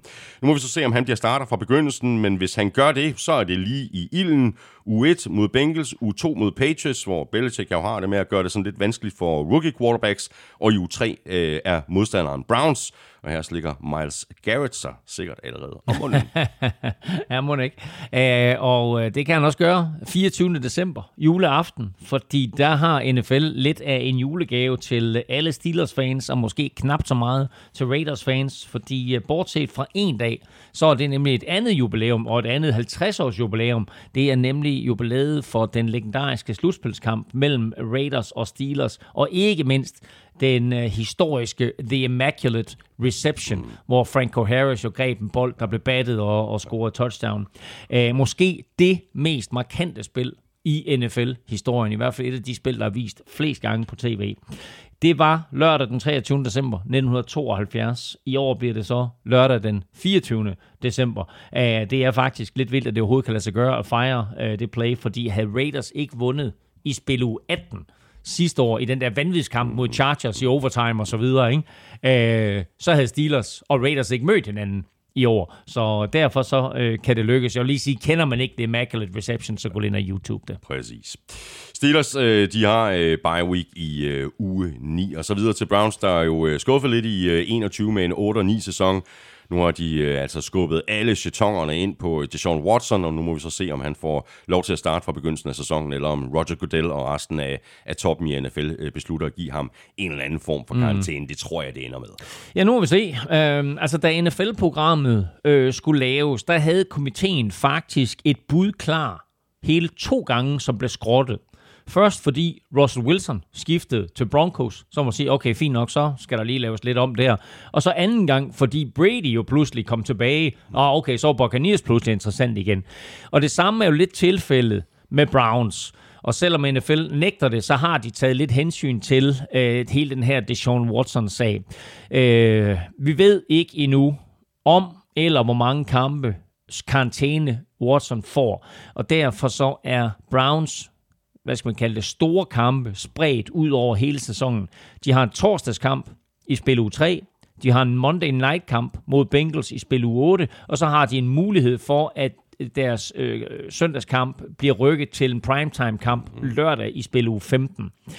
Øh, det vil sige, at uanset hvornår eller hvor længe en eller anden karantæne kommer til at være, så er der mulighed for ja. at se Sean Watson i tv. Det er selvfølgelig noget, som NFL de nægter de at tage hensyn til. Men det er Sean Watson og NFL skal mødes i den her uge. Så det betyder, at NFL's undersøgelse er slut, og at vi finder ud af, måske allerede torsdag fredag den her Spændende, uge, spændende. hvor lang tids karantæne ja. han får. Browns øh, har øh, deres øh, bye week i øh, uge 9, og Ravens de sluttede ligesom Browns med 8 og 9 sidste år, og John Harbaugh han fik øh, mulighed for at teste en masse spillere, da Ravens virkelig var ramt af mange skader. Og nu kan de så se frem til at få flere klassespillere tilbage i startopstillingen.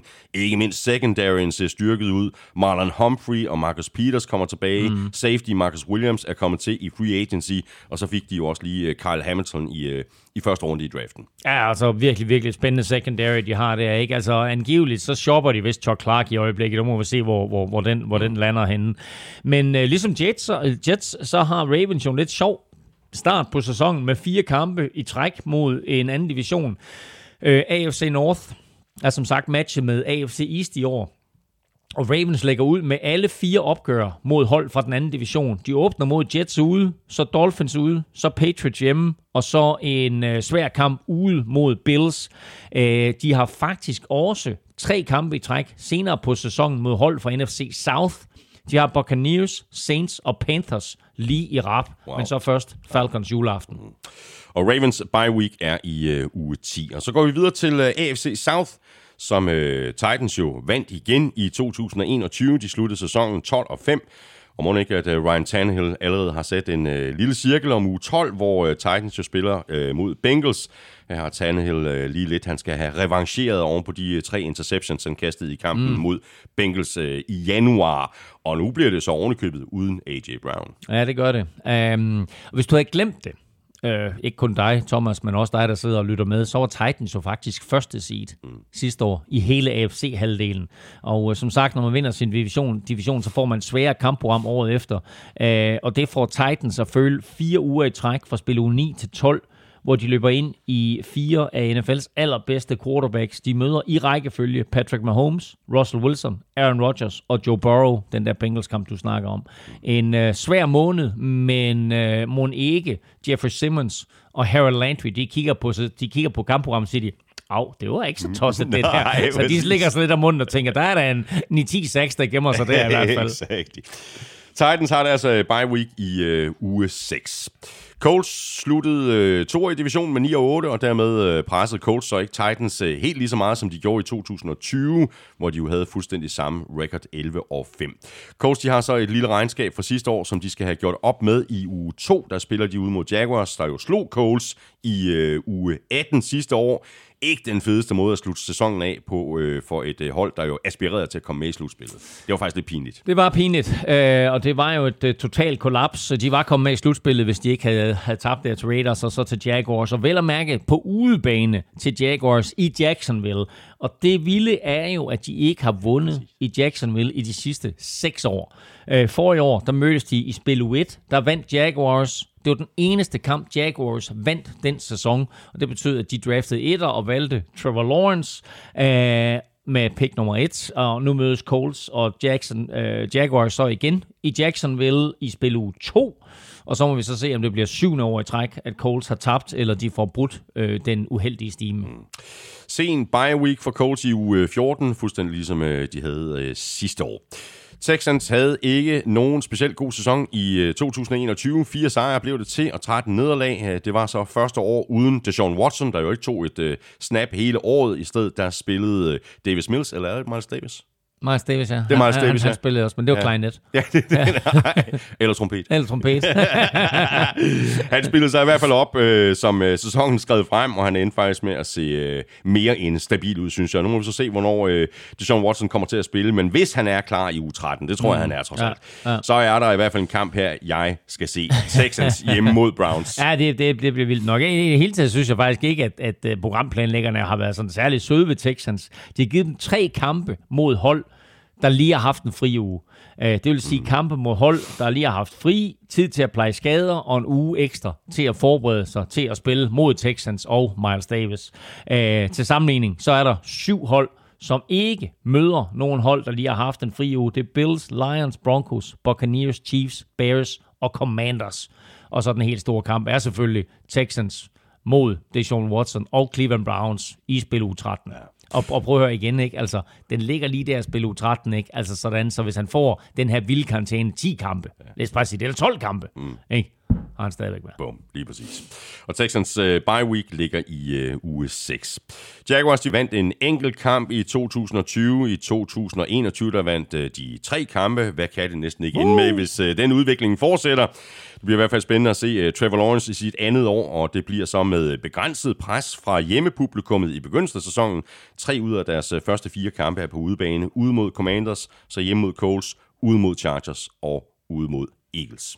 Og så er der to meget interessante storylines i den kommende sæson. Øh, Jaguars nye head coach, Doc Peterson, skal tilbage til Philadelphia, som han jo førte til sejr i Super Bowl 52, men så også blev fyret af i, i 2020. Øh, nu er han så tilbage i NFL, og øh, han skal så også tilbage til Philadelphia, og må ikke han bliver hyldet af Philadelphias fans, når han løber på banen sammen med, øh, med, med Jaguars. Og så møder Jaguars og Lions øh, hinanden i spil u 13, og der får vi en god indikation af, hvem er årets to første picks i draften, der har klaret sig bedst mm. indtil videre. Jaguars nummer et pick, Trayvon Walker, eller Lions nummer to pick, Aiden Hutchinson. Begge to edge rushers, begge to med, med store forventninger med Aiden Hutchinson. Måske nok den spiller, man siger, der skal starte her nu. Trayvon Walker mere sådan et udviklingsprojekt, men øh, jeg tror, at, øh, at Jaguars de forventer noget fra ham øh, fra start af. Det vil der helt sikkert komme masser af fokus på. Ja. Og Jaguars, de har øh, deres bye week i øh, uge 11. Og så mangler vi bare AC Vest, som øh, Chiefs jo endnu en gang satte sig på i øh, 2021 med 12 sejre og 5 nederlag. De får så øh, en øh, historisk hård start på sæsonen, som du også var inde på i begyndelsen af udsendelsen, Elming. I hvert fald, hvis vi gør det op i deres øh, modstanders win-loss fra sidste år. Chiefs er faktisk det første hold i NFL's historien, som åbner sæsonen med otte kampe Præcis. mod hold, der havde en positiv record sidste år, og seks af de der otte hold, de var også med i slutspillet. Lige. Uh, sidste år, der åbnede Chiefs sæsonen meget langsomt. Uh, kan du huske, at de var 3 og 4, mm, og der var tale om krise, og at de andre hold havde luret med Holmes, og at uh, hans mor sågar var ude og forsvare ham og så videre. Uh, I år, der får Chiefs altså en endnu barskere start, uh, som du siger der, i deres første otte kampe, der møder de seks slutspilshold. Og de to hold, der ikke var i slutspillet, det er Colts og Chargers. Så, øh, og de spiller u 2 og 3, vel at mærke. Ja, ja. Så en vanvittig svær start, som de jo gerne skulle komme ud af med 5 og 3, eller 4 og 4, eller noget i den retning. Øh, det er første gang i NFL's historie, at et hold åbner sæson mod otte hold, der alle vandt flere kampe øh, året før, end de tabte. Og Chiefs, de har deres øh, bye week i øh, uge 8. Raiders, de sluttede to i divisionen med 10 og 7, noget bedre end deres øh, 8 og 8 i 2020, og ligesom Chiefs, øh, så er det med at være i gear med det samme, fordi de øh, første fem uger frem mod deres bye week i uge 6 ser ikke sådan specielt nemme ud ude mod Chargers, hjemme mod Cardinals, ude mod Titans, hjemme mod Broncos og så ud mod Chiefs. Svært kampprogram, men det ved vi Raiders får, simpelthen fordi de er i, i uh, division med de der tre andre powerhouses, uh, og så det bliver på ingen måde nemt for Raiders at kvalificere sig til slutspillet. Men hey, det gjorde de sidste år, efter den der vilde kamp mod øh, Chargers. De har også fået ny head coach. Josh McDaniels er kommet til fra Patriots, og det er jo anden gang, eller for den sags skyld tredje gang, at han tager springet væk fra de der trygge rammer i New England under Bill Belichick. Sidst han gjorde det, var ikke med øh, den, nogen særlig stor øh, succes.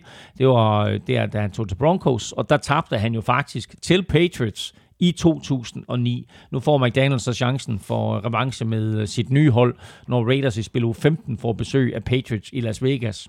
Og når jeg så siger to eller tre gange, så er det fordi, han lige var inde og blev meldt ud som head coach for Colts. Inden han fik kolde fødder. Inden han fik kolde fødder og, og, og, og kom tilbage til Patriots, og så Colts i stedet for at hive Frank Reich ind. Ja. Colts og Frank Reich kommer på besøg i Las Vegas igen Sådan i år. Der.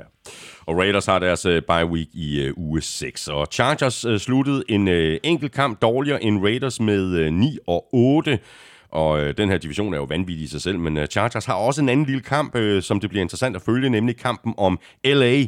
De deler jo stadion med Rams, og hvem er nu head coach for Chargers? Jo, det er tidligere defensiv koordinator for Rams, Brandon Staley. Så øh, han kender både den ene gang og den anden gang og så videre, men øh, det er det første gang nogensinde, at Los Angeles øh, Rams og Los Angeles Chargers mødes på SoFi Stadium i Los Angeles, der jo fungerer som begge holds hjemmebane. Øh, det er en god måde at fejre det nye år på. Øh, det er jo 1. januar, de mødes, så øh, det bliver naturligvis en primetime-kamp søndag aften eller nat øh, kl. 02 dansk tid. Øh, Chargers er faktisk hjemmehold, og så må vi jo se, om øh, de kan prale af at være det bedste hold i Los Angeles i hele 2023. Mm. Og Chargers, øh, de har øh, bye week i øh, uge 8. Broncos de øh, sluttede nederst i divisionen med syv sejre og 10 nederlag. Øh, det var de rigtig trætte af i Denver, så nu er de altså gået all in på Russell Wilson. Og det er jo et øh, ret godt signal om, at både ejer, GM og head coach mener, at holdet sådan set er klar, men at quarterback bare var den sidste position, der manglede rigtig spændende, om det så også er rigtigt, men øh, de har på papiret et virkelig, virkelig godt mandskab. Så øh, nu må vi så se, om, om Russell Wilson han er den der sidste brik, øh, de manglede. Øh, sidste år var en af de helt store historier i forbindelse med kampprogrammet jo, at Broncos for første gang i 29 år ikke havde en Monday Night kamp. Det rettes der jo så op på med, på, øh, med, med maner i år, mm. som vi har inde på. Så åbner sæsonen, Broncos jo sæsonen på Monday Night Football med noget af en homecoming, fordi Russell Wilson skal hjem til, øh, til Seattle, øh, hvor han jo spillede i 10 år, og jo var i to Super Bowls med, og vandt Super Bowl øh, 48 med. Øh, Broncos har tre Monday Night kampe i år. Det viser, hvor meget Russell Wilson han betyder, og hvor meget fokus programplanlæggerne har haft på, at han er kommet til øh, Denver. Ja. Tre Monday Night kampe, det er flest af alle. Ja. Og Broncos, øh, de har deres øh, bye week i øh, uge 9. Og det var det. Det var kampprogrammet for 2022, hvor vi altså havde valgt et par overskrifter ud for hvert hold. Nu kan det kun gå for langsomt med at få sat den sæson i gang. Nu skal vi lige forbi juni måned, der er den mest stille måned i NFL.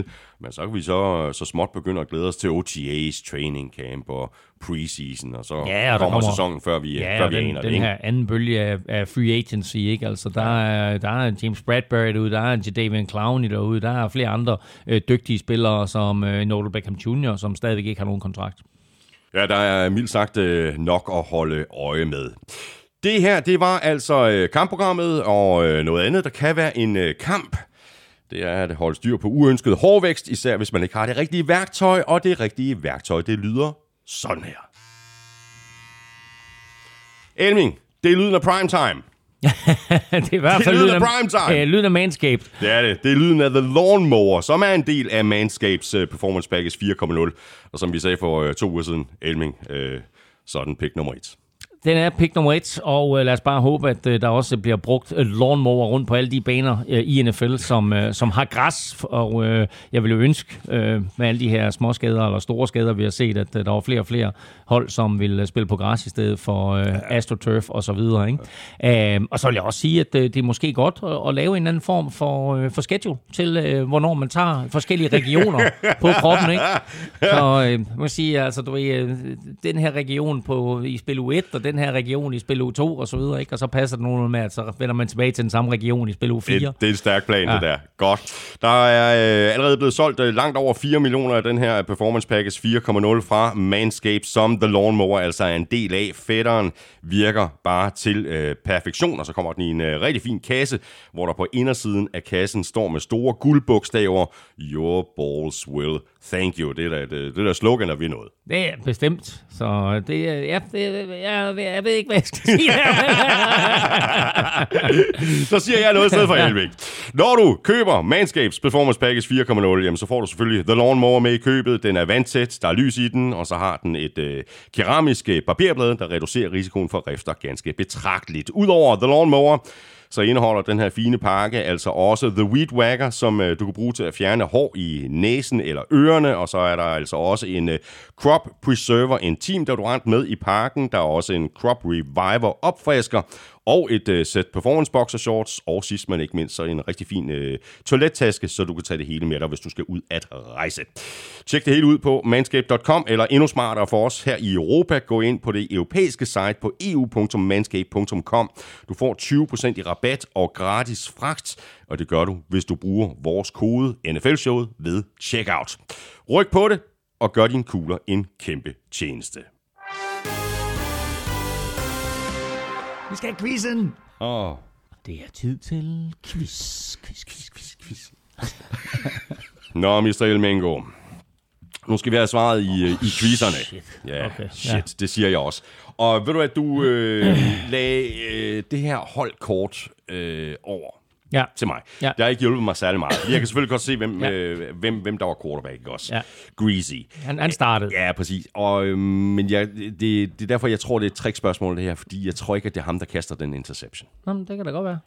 Ja, det kan det godt. Men så gætter jeg på ham. Du gætter på Bob Greasy. Ja. Okay. Det er ikke korrekt. Nej, godt. Nej. Så øh, jeg har faktisk øh, tænkt... Altså, og, og, og, for lige at gennemgå spørgsmålet igen, ikke? Altså, det var jo... Dolphins var foran 14-0. De er på vej mod en sikker sejr, indtil de kaster en interception, der bliver returneret til touchdown, og så scorer Washington Redskins rent faktisk. Kampen ender 14-7. Mm. Ja. Øhm... Kunne det være et øh, field goal forsøg, hvor ponderen måske forsøger at kaste bolden? Ponderen. Ja, som holder, ikke? Ja. Altså, øh, det, det er tit ponderen, der, er, Ja. der, der, der, Ja. der holder, ikke? Ja. Og så har han forsøgt sig, fordi at der går et eller andet galt i Ja. deres øh, field goal forsøg. Ja. Hvad hedder ponderen? Ja, det ved jeg ikke. Øh, Hvor er, hvor er ponderen på det her holdkort? Prøv at kigge under P. Jamen, jeg kan ikke finde P. det står også så småt, det her. øh, jo, øh, Larry Selpo. Ja. Øhm, og det er dit bud? Det er mit bud. Okay. Det er et frækt bud, ikke? Det er et virkelig frækt bud. Jeg vil sige, det er et imponerende godt bud også. Nå, nej, seriøst. Stjerne quarterback Bob Greasy startede sæsonen 4-0 med Dolphins. Så brækker han anklen i spil uge 5. I den kamp, der kommer Earl Morrell ind. Han vinder de sidste 12 kampe i grundspillet for Dolphins. De går, eller de sidste, ja, de sidste, nej, de sidste 10 kampe i grundspillet, de går 14-0 mm. i grundspillet. I slutspillet, der kommer Bob Greasy tilbage. Han øh, vinder alle slutspilskampene. Starter også i Super Bowl. Vinder i Super Bowl 7. Så hvem kastede den interception? Morrell eller Bob Greasy? Det gjorde ikke ponderen på et, på et field goal, der gik galt. Men den kypriotiske kicker, Nej! Gary, Garrow, ja, Premian.